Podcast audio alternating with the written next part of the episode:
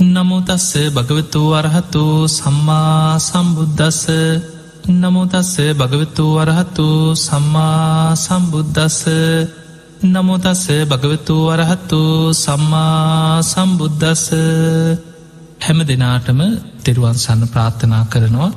අදත් ඔබ හැම දෙනෙක්ම ඔබේ ජීවිතයට වැදගත් ධර්මකාරණා රැසක් ශ්‍රවණය කරන්න බොහෝම සද්ධාවෙන් සූදානන් වෙන දවස.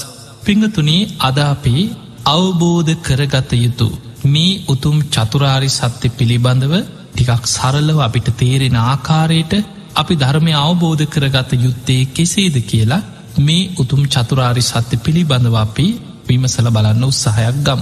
දැන් අපි සියලු දෙනාම ඉපදිච්ච පිරිසක් අපි ඉපදුනා.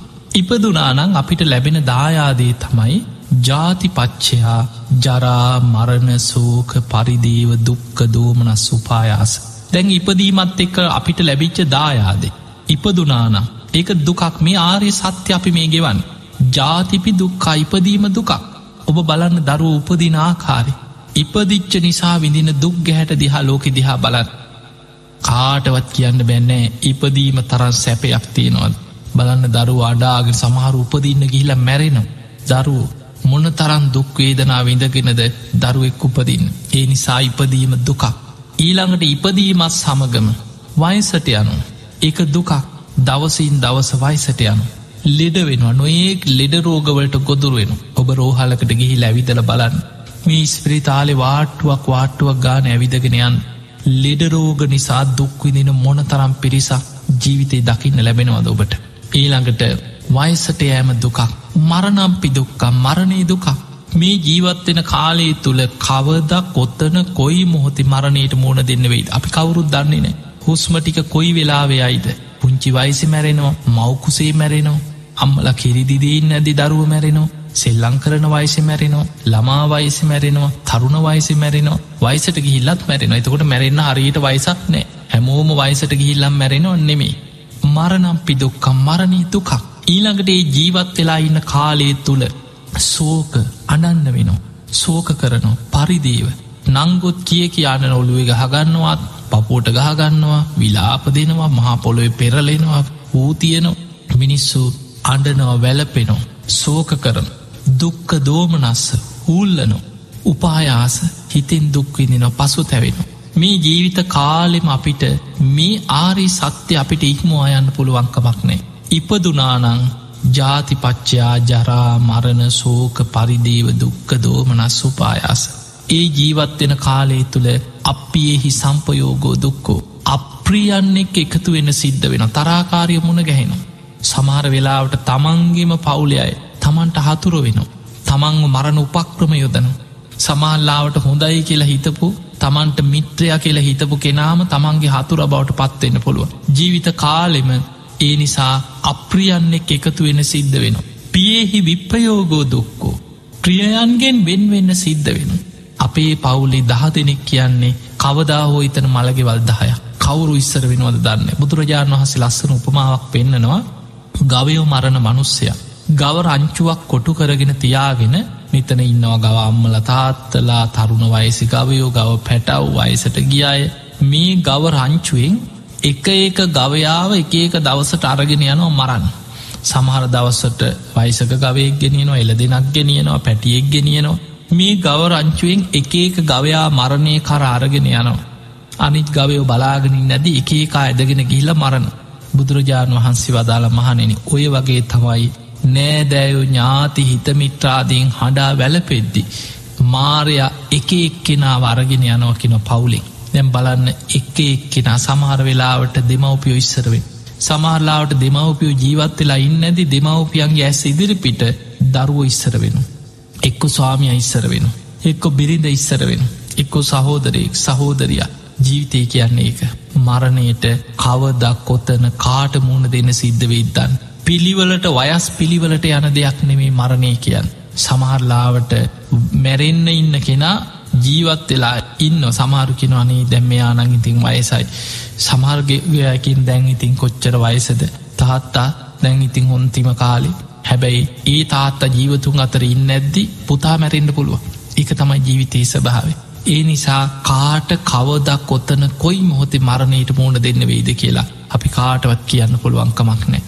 ඊළඟට යම් පිච්චන්න ලබති තම්පි දුක්කං. යමක් කැමතිද ඒ කැමතිදේ ඔහුට නොලැබීම තුළ ඔහු දුක්විඳ විද ජීවත්වෙන. එතන බුදුරජාණන් වහන්සේ පෙන්නන්නේ වයසට යන කෙනා කැමති වෙනවා අනේ මාවනම් මේ වගේ වැරහැලි වෙන්න එපා. මගේ නම් මේ කෙස්ටික පැහිලා හම රැලි වැටලා සමහරලාට අපි පාරවල් වල යනකොට දකිනවා. හොදටම වයසට ගිහිල්ලා කුදු ගැහිල ඇවිදගන්න බැරුව එක්තැන් වෙලා. සමහල්ලාට කව කවරු හරි දෙන්නෙක්කත් ඕන දෙපැත්තිෙන් අල්ලගෙන අන්තන් නැකිට්ටෝල උත්සගෙනයන්. එහෙම හොඳටම දුරුවල වෙච්ච වයසක කෙනෙක් දැක්කහම් කෙනෙක් හිතනවා අපෝ අපිට නං උපෝබං ආත්මිකවත් මේ වගේ නං වයිසට ගිහිල්ල දුක්විඳ විද ජීවත්තෙන්න්න ඕන්නෑ. එහෙම මිනිස්සු හිතනවා. හැබැයි ඉපදුනානං වයිසට යනු. ඉපදුනානං ඒ කාන්තිම වයිසට යනු ඔය වගේ ජරාවට පත්වෙන සිද්ධවෙන්. ඊළඟට ඔබ දැකල ඇති ඔබ රෝහල්ලොලට යනු තමාල් වෙලාට නොයි අසනී පැහැදිලා එක් තැන් වෙලා කුණු වෙලා තුවාල හැදිලා. නොයෙක් විදිහට එක් අතපයි අයින් කරලා කපල සමහරු ගින්නෙන් පිච්චිලා සමහරුට නොයෙක් ප්‍රෝග පීඩා ඇති වෙලා සමහරුන්ගේ මූුණේ හම ගලවල ඊළඟට වෙන වෙනම කොටස් අයින් කරලා මේ වගේ විකෘති වෙච්ච දුක්විදින කෑගහන විලාප විඳින බෙහෙත් කරන සමහරලාට ලෙඩ්ඩු දිහා බලල කෙනෙක් හිතනවා භූමි සංසාරය හැටි. අපිට නං උපෝපං ආත්මිකොත් මේ වගේ නම් ලෙඩක් හැදෙන්න්න පාකින හැබැයි ඒ සිතුවිල්ලම අවිද්‍යාසාගත උපවපං ආත්මිකොතේ ගැන ආත්මින් ආත්ම ඉපදීපදි තව සසර යන්නත් කැමැත්ත තියෙනවා එතන. මේ වගේ ලෙඩක් හැදෙන්නේ පාගෙන ලෙඩ නැතු උපදිනවත්. ඉපදුනානං ඒ කාන්තෙම වයිසට යනො ලෙඩ හැදෙනවා. ඒක තමයි ඉපදීමත් එක්ක ලැබෙන දායාදේ. ඒ නිසා තමන් කැමති වුණාට මටනම් මේ වගේ ලෙඩරෝග හැදෙන්න එපා කියලා කැමති වුණාට ඉපදුනානං ලෙඩරෝගවලට ගොදුරු වෙන්න සිද්ධ වෙන.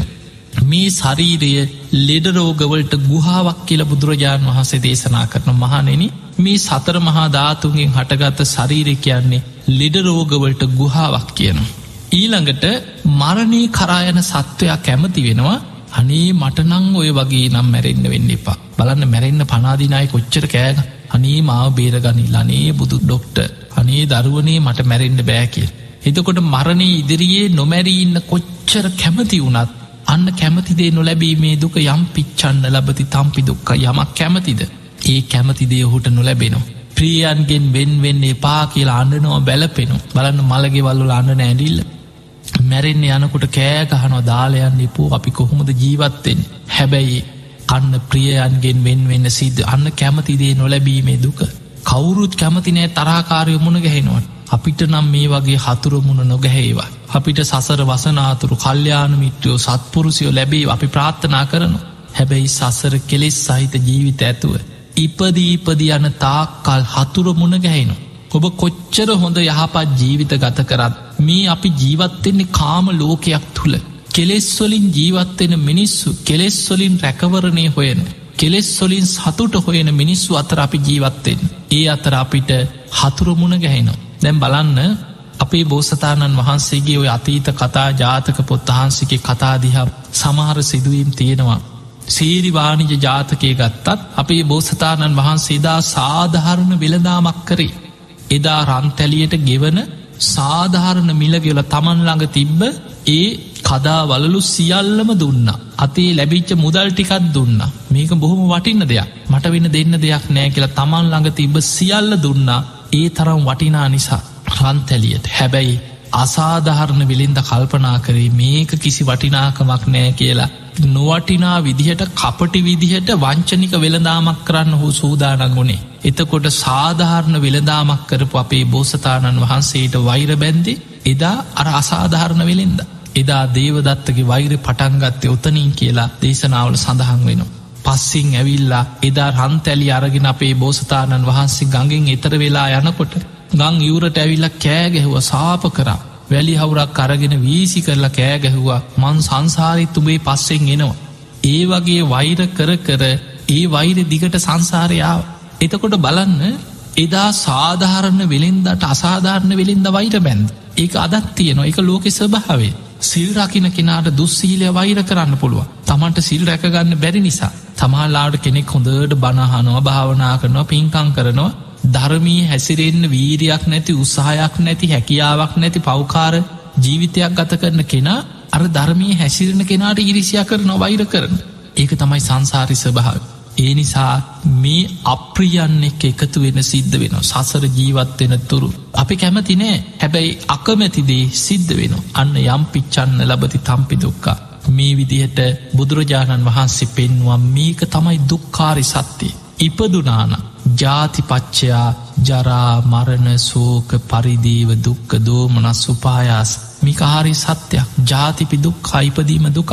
ජරාපි දුක්කං ව්‍යාධිපි දුක්කෝ මරණම් පිදුක්කං අපි එහි සම්පයෝගෝ දුක්කෝ පියෙහි විප්පයෝගෝ දුක්කෝ යම් පිච්චන්න ලබති තම්පි දුක්කා මේ විදිහට දුක බුදුරජාණන් වහන්සේ අපිට දැම්මේ ඔක්කොම තේරෙනවා. අපිට මේ දුක මේකයි මේකයි කියලා තේරුම් අරගෙන යම් වටහාගන්න පුළුවන්. හැබැයි බුදුරජාණන් වහන්සේ අරියටම මේ සියල්ලම ඇතිවෙන්නේ මොකක් නිසාද?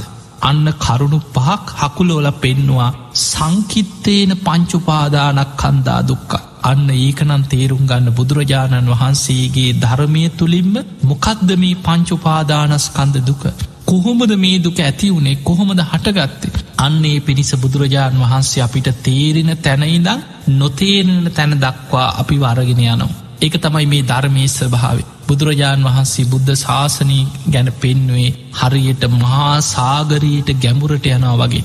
අනුපුබ්බ සික්කා අනුපුබ්බ කිරියා අනුපුබ්බ ප්‍රතිපදා. මේ ධර්මය කරායන්න එහෙමයි මහමුහුද ගැඹුරට යනා වගේ. තේරෙන තැනයි දන්න නොතේරෙන තැනත් දක්වා ගැඹුරක් කරායන තැන. ඒ නිසා දැංගොබට ඉපදීම තේරෙන ඉපදිච්චායන ඉපදීම දුකක් කියල තේරුම් ගන්න පුළුව වයිසට යන එක දුකක් කියල ඔබට තේරෙනවා. ඒක තේරුම් ගන්න පුළුව ඊළඟට ලෙඩවීම දුකක් මරණී දුකක් ප්‍රියන්ගෙන් වෙන්වීම දුකක් අප්‍රියන්න එක එකතුවීම දුකක් කැමතිදේ නොලැබීම දුකක්. සෝක වැලපීම් දුක්ක දෝමනස් උපායාස මේව දුකක් කියන එක තේරෙනවා. ඒවා විඳිනවා. හැබැයි බුදුරජාණන් වහන්සේ හකුලෝල පෙන්නවා සංකිත්තේන පංචුපාඩා කන්දා දුක්කා සංසේපයෙන් ගත්තොත් හකුලෝල ගත්තොත් මේ සියල්ලටම හේතුව තමයි පංචුපාදානස්කන්ද දුක.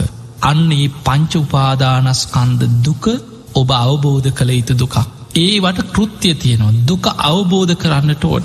තන්හාාව ප්‍රහාණය කරන්න ඕන. නිවන සාක්ෂාත් කළ යුතුයි. මාර්ගයේ සීල සමාධි ප්‍රඥාවසයෙන් වැඩිය යුතු එතකොට දුක කියන්නේ අවබෝධ කරගත යුතු දෙයක්. අපි දැම් පංචුපාදානස්කන්දේ ගැන යම් සරලව තේරුම් ගන්න උත්සාහයක් ගම්. පිංහතුනේ රූප උපාදානස් කන්දීක දය පලවෙනිම උපාදානස්කන්ද කොටස රූපය.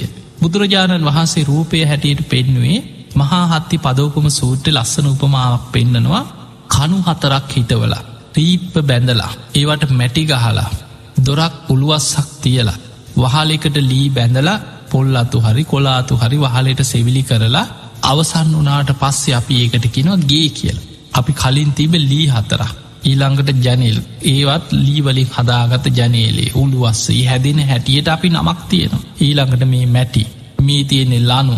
මේ තියෙන්නේ ලී මේ තියෙන්නේ පොල් අතු මේ තියෙන්නේ වහලට සෙවිලික. තැන් අපි ඔවට එකක නංකින හැබැයි ඔය කෝම එකට එකතු කරාට පස්සේ ඒ හැදෙන දේට අපි කියනවාගේ කියලා. බුදුරජාණන් වහන්සේ වදාලා ඔන්න ඔය වගේ ඇට සැකිල්ලක් නහරවැල්වලින් එතිලා මස්ලේ තැවරිලා හමකින් වැැහුණට පස්සේ ඒ එකතු වෙච්ච සතර මහා ධාතුන්ගෙන් හටගත්ත මේ කොටස් සියල්ලට අපි පොදුවේ කියනවා රූපය. ඒකට අපි කෙන රූපයක්. අන්න එහෙමයි රූපය විග්‍රහය බුදුරජාණන් වහන්සේ පෙන් හැබැයි මේ රූපේ අතාස භාවේ තේරුම් ගන්න නං අපි දකින්නේ මේ මම මේ පුද්ගලයක් මේ නිමල් කමල් සුමනා සුජාතා ඔය වගේ අපි නංවලින් හඳුන්නන්නේ අර සතර මහධාතුන්ගෙන්ම හටගත්ත මේ ඇට සැකිල්ලක් නහරවැල්ලොලින් ඉතිලා මස්ලේ තැවරිලා සමකින් වැහිච්ච මේ රූපයකින් අදාළ මේ පුද්ගලයෙක් හැටියට අපි ඒකකයක් හැටියට අරගෙන අපි යන්න නමක් දෙනවා. හැබැයි මේක අතාස භාවය හොඳට බෙද බෙදා විමසවිමස බලන්න කිය.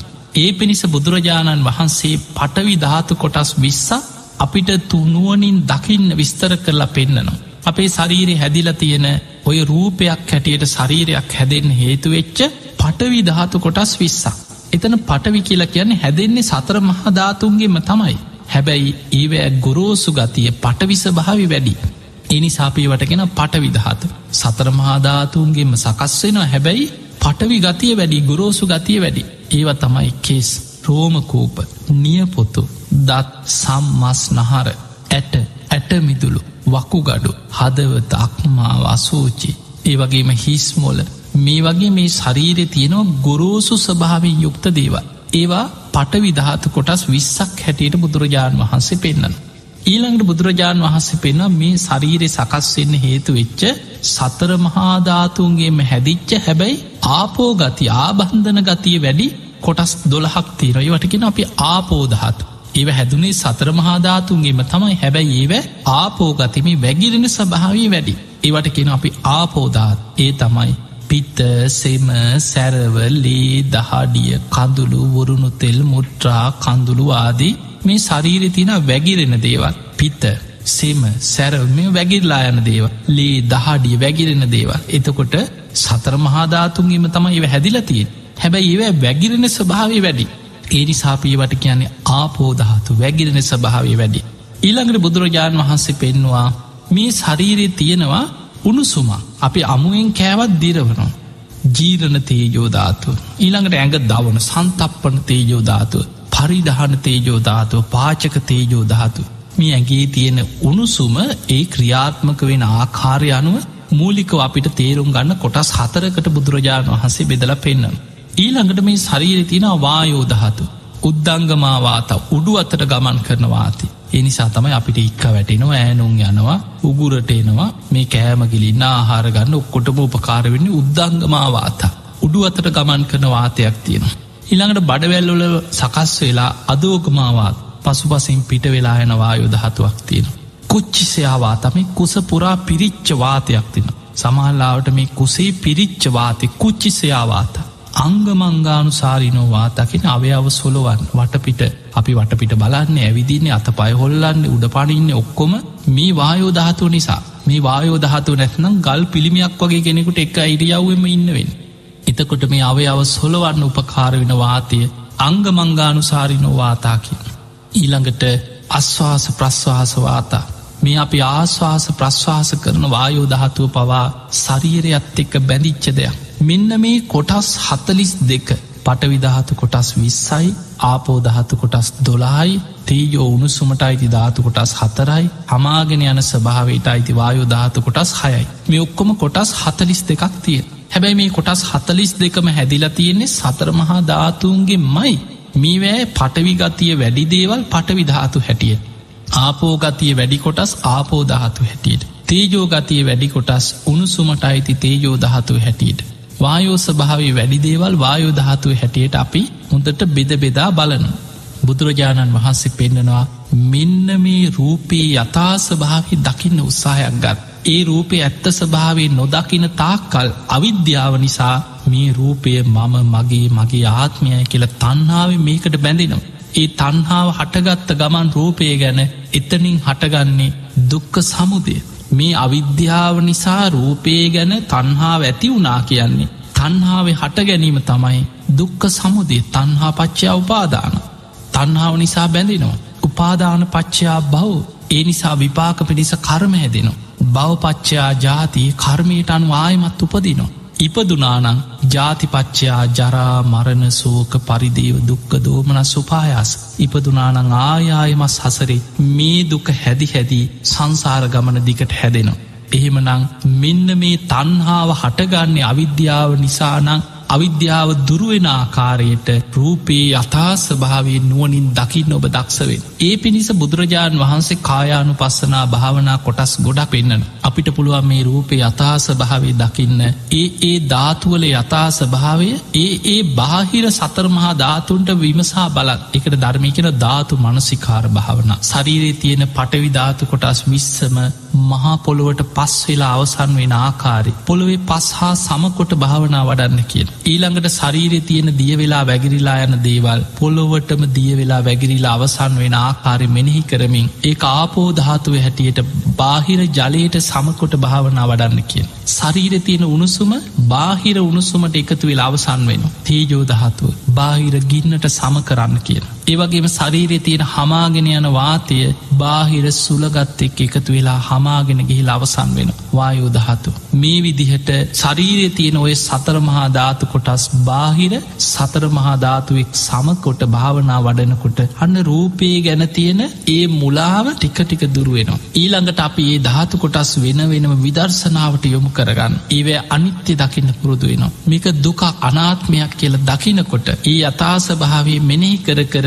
අනිත්‍ය දුක් අනාත්ම වසයෙන් රූපී අතාස භාවේ මෙනෙහි කරනකොට අන්න අරතියන කෙලෙස් ප්‍රහාණීවීම පිණිස විදර්ශනාවක් එතනින් වැඩෙන. ඊළඟට අපිට මේ සතර මහා ධාතුන්ගෙන් හටගත ශරීරය පිළිකුල මෙනෙහි කරන්න පුළුව නවසීවතික භාවනාව හැටියට මේ ශරීරයක් උුණු වෙලා පස්වෙලා දියවෙලා මහා පොළොවටම පස්වෙලා යන අවස්ථා නමයක් ඇතතේ. නවසීවතික භාවනාවක් බුදුරජාණන් වහන්සේ පෙන්න්න. මේ කායනු පස්සනාවට අයිති මේ භාවනා ක්‍රමවලින් කරන්නේ මේ සතර මහා ධාතුන්ගෙන් හටගත මේ රූපයේ අතාස භාවේ කයි අතාස භාවය අපිට නුවනින් වැටහෙන විදිහට විමසා බැලීම. එක සමත භාවනාවක් වගේම විදර්ශනාවට ඉතනින් හැරෙන්න්නත් පුළුව. එනිසා ධාතු මනසිකාරය සමතයක් හැටියට වඩලා ඒ ඒ ධාතුවල අනිත්‍ය මෙනෙහි කිරීම තුළ එතනින් විදර්ශනාවට හැරෙන්න්නත් පුළුව. කෙනෙක් කොයි විදිහට මේ රූපය හේතු පල වසයෙන් විමසන්න පුරුදු වෙනවන ඉස්සල්ලා රූපයේ අතහස භාවේ මෙනෙහි කරලා ඊළඟට එයා දකිනවා මේ රූපය පවතින්නේ මේ විදිහට හරි මේ මේ මැසින් එකක් වගේ කියලා හිතන්න ඔබ මේ ශරීර.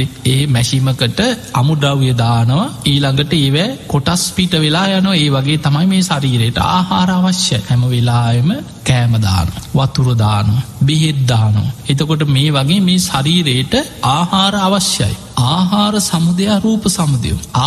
ආහාරයක් තුළ කණබොන ආහාර මුල් කරගෙන හරීරේ මේ මැසින් එක වැඩ කරන. ඒක තුළ ආහාර ජීරණය වෙනවා. ඒවෑ මේ ලේධාතුවට මේ රූප කලාප ඔස්සේ ශරීරය පුරාම ලී දහතුවත් එක් ආහාරෝජාව ගමන් කරන. ඒවැන් අසූචි හැටියට පිට වෙලා කොටසක් ජීරණය වෙච්ච කොටස් කිවත්වෙනවා. මුට්‍රා හැටියට තව කොටසක් පිට වෙලා යනවා. දහඩිය හැටියට තව කොටසක් පිට වෙන. ශරීරය තව තව තැන්වලින් නහයෙන් හොටු ගලනවා කංගොලින් කලා අඳුරු ගලනවා ඊලාට කටයෙන් කෙල ගලනවා අර මැසින් එකේ තැන්තැන්ගොලින් තෙල්බේරෙනවා වගේ ඒ ඒ ශරීරයේ කොටස් හැම පැත්තෙම මේක තමයි මේ කයේ ස්භාවේ. එතකොට මේ ශරීරය ආහාර නිසා හටගන්නවා ආහාර නිසා පවතිනවා ආහාර නිරුද්ධවීමෙන් නිරුද්ධ වෙන. දැන් ඔබ හිතන්න කෑම බීම නැති වුණොත් කන්නේ නැතුව හිටියොත් වතුරත් නැති වුණොත් මොකක් වෙයිද මේ ශරීරයට. මේ ශරීරි දින කීපයක් යනකොට දුරුවල වෙනවා. එහෙම කලන්තෙ හැදෙනවා. සමහරු මැරිලෑන නොකා නොබී මැරෙන කන්න නැතිවුණු මැරිලෑන එතකොට මේ මැසිම සම්පූර්ණයම ක්‍රියාවිරහිත වෙලා කැඩිලෑන අන්නේ වගේ මේ ශරීරය ආහාර නිසා හටගන්නවා ආහාර නිරුද්ධවීමෙන් නිරුද්ධ වෙන අන්න හේතු පලවසයෙන් විමසලා රූපයේ අතාස භාවේ මෙනෙහි කරලා එයා අනිත්‍ය දකින්න පුරුදුවෙන් එතනින් තමයි විදර්ශනාවට හැරෙන් මේ රූපය ගැන තියෙන තන්හාාව ප්‍රහාණී කරන්න නං හේතු පලවස්සයෙන් විමසලා ආහාර නිසා හටගන්න රූපය ආහාර වෙනස් වෙනකොට වෙනස් වෙනවා. එහෙමනම් මේ රූපය අනිත්‍යයි අනිත්‍යයි අනිත්‍යයි කියලා හොඳට කොටස් වසයෙන් බෙදබෙද දියුණු කරන ලද විදර්ශනා නුවනකින් අනිත්‍ය වසයෙන් දකින්න පුරුදුවෙන්. ඊළඟට යමක් අනිත්‍යනම් යන් නිච්චම් තන්දුක්කයික ඒ කාන්තෙම දුකට අයිතිද දුක උපදින්න මේ ශරීරය මුල් කරගෙන දුකක් සකස්වෙන්. ඊළඟට යමක් අනිත්‍යනන් දුකනං ඒ අනාත්මයි. අනාත්මයි කැනෙ තමාගේ වසගේ පවත්වන්න පුළුවන්කමක් නෑ. ඔබට ඕන විදිහට. මගේ රූපය මෙසේ වේවා මෙසේ නොවේවා. මන්නං වයිසට යන්න එපා. මටනල් ලෙඩ හැදෙන් එපා. මමනන් ජරාවට පත්තෙන් එපා. මමනම් මැරෙන් එපා කියලා ඔබට ඕන විදිහට ඔබට ඕනෑ ඔබේ අදහස්වලට අනුව මේක පවත්තන්න බෑ. මේක වෙනස් වෙන දෙයක්. අනිත්‍ය දෙයක්. දුකට අයිති දෙයක්. අනාත්මයි තමාගේ වසගේ පවත්තන්න බෑ. අන්නේ ත්‍රිලක්ෂණය ඔබ මෙනෙහි කරන්න පුරුදුුණොත් මේ රූපය හේතු පලවසයෙන් විමසමින් මේ අනිත්‍යයි දුකා යනාත්මයි කියලා ඔබ විමසනවනක් අන්න ඔබ රූපය ගැන තියෙන තන්හාාව දුරුකිරීම පිණිස ඔබ විදර්ශනා වඩන කෙනෙ. අන්නේ විදිහටයි රූපය අවබෝධ කරන්න තියෙන්. ඒක තමයි අවබෝධ කළ යුතු දුක්කාරය සත්‍ය අවබෝධ කරගන්න ක්‍රමි. මේ අපි කතා කරේ රූපය ගැන. ඊළඟට ඉස්පරසය නිසා හටගන්න උපාදානස්කන්ද තුනක් තියෙනවා. ඒ තමයි වේදනාවපාදානස්කන්දේ සංඥාවපාදානස්කන්දේ සංස්කාර උපාදානස්කන්දේ. මේ උපාදානස්කන්ද තුනම ඇතිවෙන්නේ ඉස්පර්සය නිසා. ඉස්පර්සය කියන්නේ ඇහැයි රූපයයි විඤ්ඥාන එකතු වෙනවා. ඒකට අපි කියෙන ඇසේ ස්පර්සය ඔබට ඇහැට රූපයක් පේන්න නං ඔබේ ඇහැට රූපයක් පේනු මන් දැක්කා. මට පේනුන මම් බලාගෙන හිටිය. අපිට යමක් පේන්නේ කොහොමද? ඇසයි ඒ රූපයයි චක්කු විඤ්ඥානයයි එකතු වෙන ඒකට අපි කියෙන ඇහේ ස්පර්සය අන්නේ ස්පර්සය නිසා ඒ පේනදේ ගැන විදීමක් ඇතිවෙන ඒක තමයි වේදනා උපාදානස්කන්ද ඊළඟට ඒක ඒ විදීම තන්නාවින් උපාදනන් කරගන්න එක ඒක උපාදානස්කන්දිකය ඒ විදිනදේ හඳුනගන්න ඒ තමයි සංඥා. හඳුනගන්න දේ ගැන චේතනා පහල වෙන ඒකට කිනව සංස්කාර. එතකොට ස්පර්සය නිසාම උපාදානස්කන්ද තුනක් එතන වෙනවා. ඉස්පර්සය නිසා විඳිනව විඳින රූප හඳුනගන්නවා හඳුනගන්න රූප ගැන චේතනා පහල වෙන වේදනා සංඥා චේතන. ඔය විදිහටම තමයි කන. අපේ කනට සබ්දයක් ඇහෙනවා. සමහරු කිනම් මට ඇහුුණ. මගේ කහගෙන හිට එතට අපිට යමක් ඇහෙන්නේ කොහොමද? කනයි ඒ සබ්දයයි සෝත විඤ්ඥානයත් එක් එකතු වෙන කනයි සබ්දය විඤ්ඥානය එකතුන එකට අපිගෙන කනේ ස්පර්සය ඒ ස්පර්සය නිසාපිට විඳීන් ඇති වෙන ඒ තමයි වේදනා. විදින සබ්දය හඳුනගන්න මොකක්දේ සද්දේ? මට එන්න කීවද යන්න කීවද කතා කරාද සතෙක් කෑ ගැහ්වද ගහක් කඩාගෙන වැටුනාද ටකරං හඩක්ද මොකක්ද ඒ සබ්දය හඳුනගන්න එකට කෙන සංඥා. හඳුනගන්න සබ්දය ගැන චේතනා පහළවෙන් අන්න ඒක සංස්කාර. එතකොට කනයේ ස්පාර්සය නිසාත් එතන වේදනා සංඥා චේතනා. උපාදානස්කන්ද තුනක් හටගන්න ඊළඟට නාසේ ස්පර්සය නිසා ඔය වගේමයි.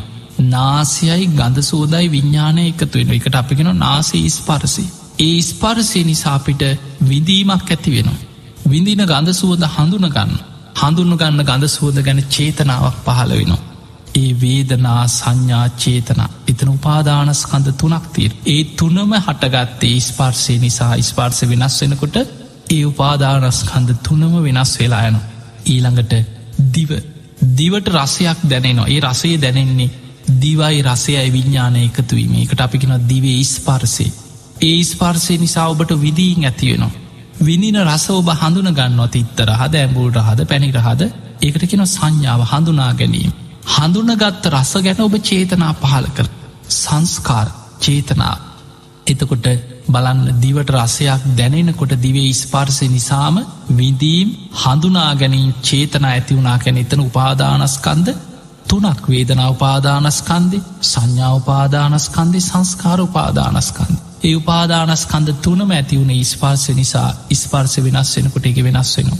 ඊළඟට කයට පහසක් ඔබට දැනෙනවා. සීතල උණුසුම සියුම් බව ගොරෝසු බව සිනිදු බවය දැනෙන පහස. කයයි පහසයි විඤ්ඥානය එකතුවීම ඒකට අපි කෙන කයි ස්පර්සය. ඒ ස්පර්සය නිසාම විඳීම් ඇතිවෙන්. විඳින පහස හඳුනගන්න. හඳුනගන්න පහස ගැන චේතනාවක් පහළවෙන්. ඒක තමයි වේදනා සංඥා චේතනා හැටියට එතන උපාදානස්කන්ද තුනක් කලින් වගේ මැතිවෙනවා. වේදනා උපාදානස්කන්දි සංඥා උපාදානස්කන්දි සංස්කාර උපාදානස්කන්. ඊළඟට ඔබ හිතෙන් හිතනවා.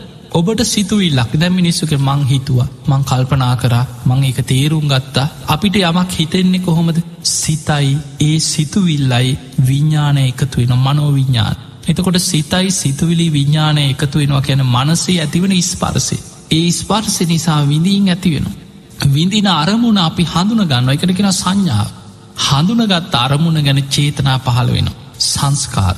එතකොට බලන්න ඔන්න ඔය ක්‍රියාවලිය. අපේ ඇස කණ නාසය දිව ශරීරය මනස කියන ආයතන හයේම ඉස්පාරසය නිසා විඳීම් ඇති වෙන. ඒ විඳීම ගැන අවිද්‍යාව නිසාමකද වෙන්න මේක ස්පාර්සයෙන් හටගෙන ස්පාර්සයෙන් නැතිවෙනවා කියන අවබෝධන ඒ නිසා ඒ ගැන තන්හාාවක් උපදිනවා විඳීම ගැන. විඳීම ගැන තන්හාාව ඇතිවෙච්ච ගමන් එතන හැදෙන්නේ තන්හා පච්චා උපාදාන බැඳී යන. උපාදාන පච්චා බව විපාක පිණිස කර්ම හැදෙන. බවපච්චා ජාති ඒ කර්මයට අනු උපදිනෝ. ජාතිපච්චා ජරා මරණ සෝක පරිදේව දුක්ක දෝමන සුපා යම් තැනක විදීමක් මුල් කරගෙන තන්හාාව ඇති වුනානා දුක්ක සමුදේතන ඉදම් පටිච්ච සම්පාදයක් හැදෙන. ඒ නිසා වේදනාවේ අතාස භාවේ දකින්න නං ඉස්පර්සිෙන් හටගත්ත විදීම ඉස්පර්ස වෙනස් වෙනකොට වෙනස් වෙනවා මේ අනිත්‍යයි දුකයි අනාත්මයි කියලා ගැම්බුරු නුවනකින් හේතු පලවසයෙන් විමසමින් විදර්ශනා වඩන්නට ඕන. ඊළඟට ඉස්පර්සය නිසාම තමයි හඳුනාගන්න සංඥාව රූප හඳුනගන්නවා සබ්ද හඳුනගන්නවා ගද සූන හඳුනගන්නවා සංඥාව. ඒ සංඥාව ස්පර්සය නිසා හටගෙන ස්පර්ස වෙනස් වෙනකොට වෙනස් වෙන. හැබැයි අවිද්‍යා සහගත කෙනා මේක ඉස්පර්සිං හටගෙන ස්පන්සෙන් වෙනස් වෙනවා කියන තැනට එන්න නැතුව මම විදිනවා මට දැනුන මමයි මේ හඳුනගත් එතකොට හඳුනා ගැනීමට මුලාවෙච්ච ගමන් ඒ මුල් කරගෙන තන්හාාවක් ඇතිවෙන. තන්හාාව නිසා එතන ඉඳං දුක්ක සමුදය දුකේ හට ගැනීම තන්හා පච්චා උපාදා තන්හාාව නිසා බැඳීයන් උපාදාන පච්චයා බව විපාක පිණිස කර්ම හැදෙනවා. බවපච්චයා ජාතීට අනු ආයමත් උපදිනු. ඉපදුනානන් ජාතිපච්චයා ජරා මරණ සෝක පරිදේව දුක්ක දෝමන සුපායාස් එනිසා සමස්ත දුකම ආයායමත් හටගැනමින් සකස් වෙන්නේ දුක්ක සමුදයට හේතුව තන්හාාවි හටගැනී.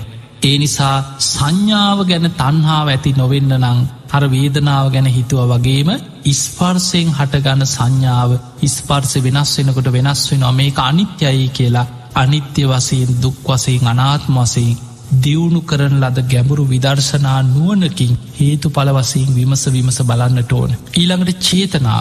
ඇහැට පේන රූප ගැන චේතනා පහල වෙන එකත් ස්පර්සයෙන් වෙන් කනට ඇහෙන සබ්ද ගැන ස්පර්සය නිසා චේතනා පහළ වෙන. නාසේට දැනෙන ගද සුවඳ ගැන චේතනා පහළ වෙන. දිවට දැනෙන රස ගැන චේතනා පහළ වෙන. කයිට දැනෙන පහස ගැන චේතනා පහළ වෙන ඉස්පර්සය නිසාම්. හිතෙන් මේවා ගැන හිතනව කියන්නේ මනු සංචේතනා මනසින් චේතනා පහළ වෙන. මෙන්න මේ ආයතන හයේම චේතනා පහළ වෙන්නෙත් ඉස්පර්සය නිසාමයි. එතකොට ආයතන හය ස්පර්සය නිසා තමයි විදී මැතිවුණේ. ආයතන හය ස්පර්සය නිසාම තමයි හඳුනා ගැනීම ඇතිවුණේ. ඒ ස්පර්ස නිසාමයි චේතනා පහළවෙේ.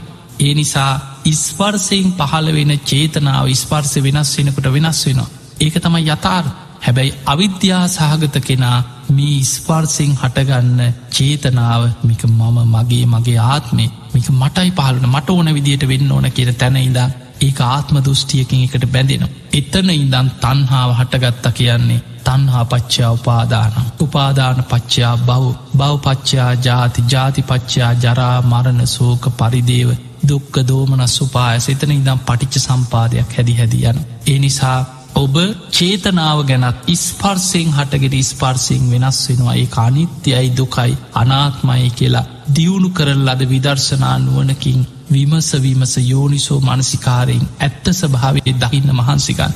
පිංහතුනි ඊළඟට බුදුරජාණන් වහන්සේ පෙන්වා සංකිත්තේන පංචුපාදානක් කන්දා දුක්කානේ සංසේපයෙන් ගත්තොත් අපිට මේ සියල්ලු දුක අවබෝධ කරගත යුතු දුක පෙන්නුවේ හලවෙනි එක තමයි රූප උපාදානස්කන්දේ. සතර මහාධාතුගෙන් හටගත්ත රූපේ ආහාර නිසාහට ගන්න ආහාර නිරුද්ධ වෙනකොට නිරුද්ධවේ. හේතු පල වසයෙන් අපි අනිත්‍ය දුක්කනාත්ම වසයෙන් බලන.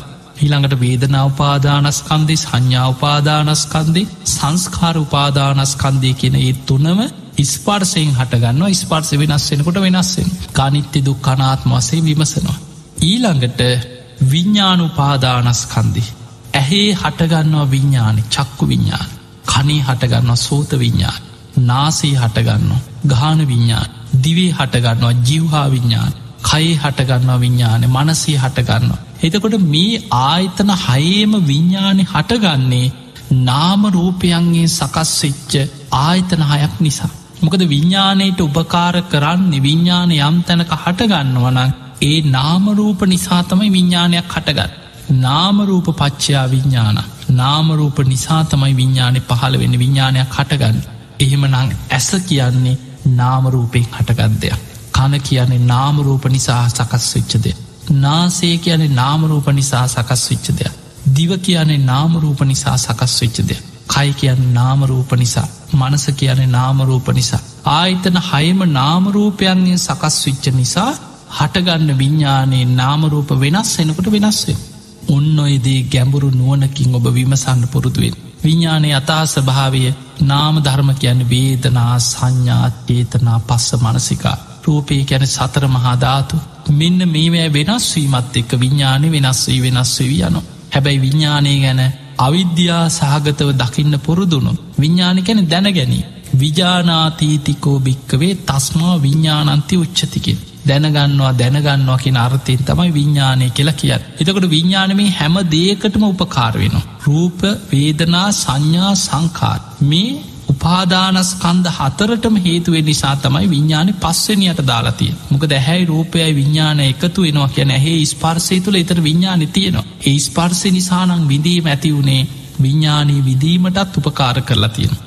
ඉස්පර්ස නිසානං හඳුනා ගැනීම ඇති වුණේ ඒ හඳුනා ගැනීම තුළත් ඉස්පර්සය නිසානං ඇති වුණේ ස්පර්සය තුළ විඤ්ඥාන තියෙනවා. ඊළඟට චේතනාව ඇති වුණ ස්පර්සි නිසානං. ඒ චේතනාව තුළත් ස්පර්සිතියෙන් ඒ නිසා දැනගන්නවා කියන්නේ රූපි දැනගන්නෙත් වේදනා දැනගන්නේ සංඥා සංකාර සියල්ල දැනගන්න විඤ්ඥාන එනිසා විඤ්ඥානයේ රූප වේදනා සංඥා සංස්කාර කියන මේ සියල්ලෙ බැසගත්ත විඤ්ඥානයක් තනිව තියෙන විඤ්ඥානයක් නෙමේ එනිසා තමයි නාමරූපයෙන් හටගත් විඤ්ඥානයක් ගැන බුදුරජාණන් වහන්සේ පෙන්න්න නාමරූප නිරුද්ධ වෙනකොට විඤ්ඥානය නිරුද්ධ වෙනවා. එහෙම නම් විඤ්ඥානය ගැනත් අනිත්‍ය වසයෙන් දුක් වසයෙන් අනාත් මසෙන් ඔබ විමසන්න පුරුදුනොත්. අන්නේ විඤ්ඥානය ගැන හටගන්න තන්හාාව ප්‍රහාණය කරගන්න පුළුව. විඤ්ඥානය ගැන තන්හාාවක් ඇතිවෙනවා කියන්නේ අවිද්‍යාව නිසයි තන්හාාව ඇතිවෙන. විඤ්ඥානය ගැන අවිද්‍යාව නිසා ඔබට තන්හාාවක් ඉපදුනොත් එතන ඉදං හැදෙන්නේ පටිච්ච සම්පාදය තන්හා පච්චා උපාදාන උපාදාන පච්චා බව බවපච්චා ජාත් පටිච්ච සම්පාදි හැදි හැදි යන ඔබට ටිකක් මේ දේශනාව අමාරුයි වගේ තේරෙන්න්න පුළුව හැබැයි ඔබ අවබෝධ කරගත යුත්තේ මේ සත්‍යමයි. ඔබ කොච්චර සරල බනැහුවත් ඔබ දානී ගැනහන්න ආසයි. සීලෙ ගැනහන් ආසයි ජාත කතාවක් අහන්න ආසයි. කතන්දර වගේ තේරගාතා තේරීගාතා රහතන් වහන්සේලගේ ජීවිත කතා පේතවත් වූ අමනුස්යෝ ගැන දෙවියන් ගැන විමානවත්වය තියෙන කතා මේමට මිනිස් වාසයි කතන්දරහන් බොහෝම ශෝක අද හොඳ බණටික හැබැයි අපේ ජීවිතය තුළ අමාරුනත් අවබෝධ කරගත යුතු ආරි සත්‍ය තමයි මේ. බුදුරජාණන් වහන්සේලා පහළ වෙලා අපිට පෙන්නල දෙන්නේ බුදු කෙනෙක් ලෝකෙට පහළ වනේ අවබෝධ කරගත යුතු ආරි සත්‍ය හතරක් අවබෝධ කරගෙන ඒ ධර්මය අවබෝධ කරගෙන සසරින් මිදෙන හැටි අපිට පෙන්නන්න. ඒ නිසා අවබෝධ කරගත යුතු දුක දුක්කාරි සත්‍ය කියන්නේ මොකන්ද සංකිත්තේන පංචුපාදානක් කන්දා දුක්කා. ඒ පංචුපාදානස්කන්දී රූප උපාදානස්කන්දී වේදනවපාදානස්කන්දි සංඥාවපාදානස්කන්දි සංස්කාරුපාදානස්කන්දි විඤ්ඥානුපාදානස්කන්දය කියන මේ පංචුපාදානස්කන්ද දුක අවබෝධ කරන්නේ කොහොමද. ඒ පංචුපාදානස්කන්දය හේතු පලවසේ රූපය හටගන්නේ ආහාර නිසා ආහාර නැතිවෙනකොට නැතිවෙන. වේදනාව හටගන්න ස්පර්සය නිසා ස්පර්ස වෙනස් වෙනකොට වෙනස්වෙන. සංඥාව හටගන්නේ ති ස්පර්සය නිසා ස්පාස වෙනස් වෙනකොට වෙනස් වෙන. සංස්කාර හටගන්නේ ති ස්පර්සය නිසා ස්පර්ස වෙනස් වෙනකොට වෙනස් වෙන. විඤ්ඥානය හටගන්නේ නාමරූප නිසා නාමරූප වෙනස් වෙනකොට වෙනස් වෙන. ඔන්න ඔය හේතු පල ධර්මය හොඳට නුවනින් තේරුම් අරගෙන ඒතු පල වසයෙන් අනිත්‍ය වසයෙන් දුක් වසයෙන් අනාත්ම වසේ යථාස භාවය මෙනෙහි කරනවනං අන්න ඔබට ඒ පංචුපාදානස්කන්දය ගැන තියෙන අවිද්‍යාවත් තන්හාවත් දුරු කරලා ඒ තුළින් නිවන් අවබෝධයට ඔබට මාර්ගය විවර කරගන්න පුළුවන්. ඔබ යම් දවසක කෙලෙසුන්ගෙන් මිදෙනවද. කවදහරි ඔබ නිවන් දකින්න උත්සාහ කරනවනං ඔබ අවබෝධ කරගත යුත්තේ ඔය කියන දුක්කාරි සත්‍යමයි ඔබ අවබෝධ කරගත යුත්තේ ඒ පංචුපාදානස්කන්ද දුකමයි. ඒ නිසා ඔය ධර්මය ඔබ නැවත නැවත්ත විමසන්. පංචුපාදානස්කන්දය ගැන පොත්පත් හොයාගෙන කියවන් චතුරාරි සත්‍ය ගැන තියෙන බණහන් පොත් කියවන් එතකොට ඔබට අමාරුදේ ටික ටික ටික ටික සරලව තේරුම් යන්න පටන්ගන්න අමාරුදේ අපිට ඒක හදාරණකොට ඒක ඉගෙන ගන්නකොට ඒක විමසනකොට ඒ ගැන හොයනකොට ඒ ගැන විමසනකොට භාවනා වසේ මෙනෙහි කරනකොට අපිට සරල දෙයක් හැටියට තේරුම් ගන්න පුළුවන් දෙයක් හැටියට අපිට නුවනින් තේරුම් ගන්න පුළුවන්. ඒ නිසා මේ උතුම් චතුරාරි සත්‍ය ධර්මය අවබෝධ කරගෙන ති දුක කියන්නේ අවබෝධ කරගත යුතු දෙයක්. තන්හාාව කියන්නේ ප්‍රහාණී කරගත යුතු දෙයක්. තන්හාාව ප්‍රහාණී කිරීමමයි නිවන. තන්හක්කයෝ රාධ නිබ්බාන තන්හාවශ්‍යය කිරීමයි නිව ඒ නිවන අපි සාක්ෂාත් කරගත යුතු දෙයක්. ඒ පිණිස් අපි සීලේක පිහිටලා සමත විදර්ශනා වසයෙන් භාවනා වඩාගෙන අපි හිත දියුණු කරනවා කියන්න ඒ තුළ වැඩෙන්නේ ආර්යෂ්ඨායික මාර්ග සීල සමාධි ප්‍රඥා වසයෙන් නිවන් මගක් අපිට වැඩෙන. ඒ නිවන් මග දියුණු කරගෙන ඔබ හැම දෙනාටම සද්ධාදීගුණ ධර්ම දියුණු කරගෙන පියවරෙන් පියවර ධර්මාවබෝධය කරාම ඔබේ ජීවිතයේ දියුණු කරගන්න වාසනාවම ලැබේවා ලැබේවා ලැබේවා කියලා අපි ඔබ හැම දෙනාටම හදවති මාශීර්වාද ප්‍රාර්ථනා කරන.